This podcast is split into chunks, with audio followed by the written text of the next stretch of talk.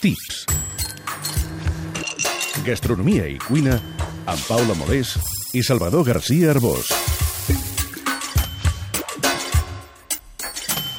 Oli de palma.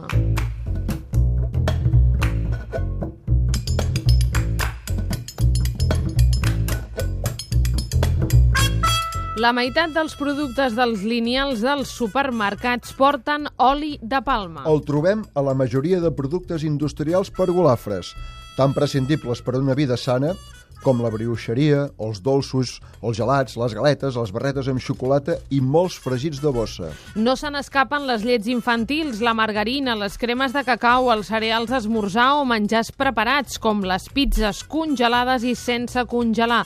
També se'n fan cosmètics i biodiesel. No ens enganyem, el 40% de l'oli vegetal mundial s'obté de l'Elaeis guineensis, la palma africana, una palmera superproductiva conreada en climes tropicals. Els fruits tenen fins a un 35% d'oli. Cada 10 dies es fa una collita.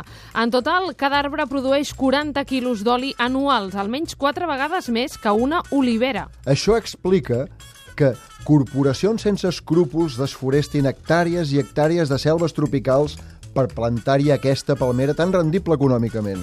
Una palmera amb enemics arreu del món perquè, a banda de ser un factor per a la desforestació, no produeix un oli tingut per saludable al 100%. Només la meitat dels seus greixos són insaturats, els saludables.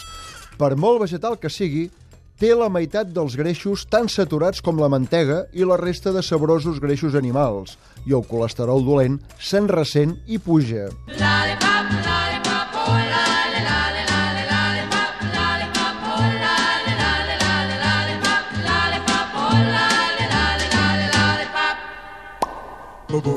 Sigui com sigui, la indústria el fa servir perquè té una sèrie de propietats que el fan quasi imprescindible, com diu l'Aliança Europea de l'Oli de Palma. Ells ens recorden que té un sabor i un olor neutre, Que té una textura suau i cremosa, per això s'afegeix en els productes per untar. que és molt estable a altes temperatures. S'usa per fregir. A més a més, triga molt de temps a fer-se ranci. També triga a oxidar-se pel seu sabor neutre i per la seva estabilitat. La indústria el té com un additiu per donar textura cruixent i frescor a les galetes, als croissants i a tota la pastisseria industrial. El lobby europeu també insisteix que l'oli de palma dona feina a milers de persones i que fan un conreu responsable i sostenible. Tot això després d'assegurar que només consumit en excés pot tenir conseqüències en el sistema cardiovascular. Fa anys i panys, o no tants, el camuflàvem fent-lo passar per oli vegetal, quan tots pensàvem que els olis vegetals eren bons per naturalesa. Des del 2014, els fabricants de la Unió Europea estan obligats a etiquetar l'origen botànic dels greixos i olis vegetals que usen. Aquest oli és cinc cops més barat que el d'oliva i té la meitat de preu que el de girassol. Hi ha pressions perquè se'n controli la producció i el consum, sobretot pels beneficis ambientals que comportaria, tant o més que per qüestions de salut.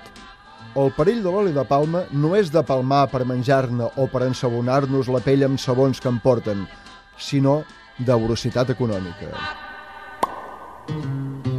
La versió escrita del Tips la podeu llegir a la revista Cuina.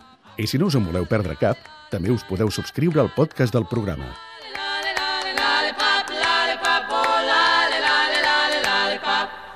lollipop, oh.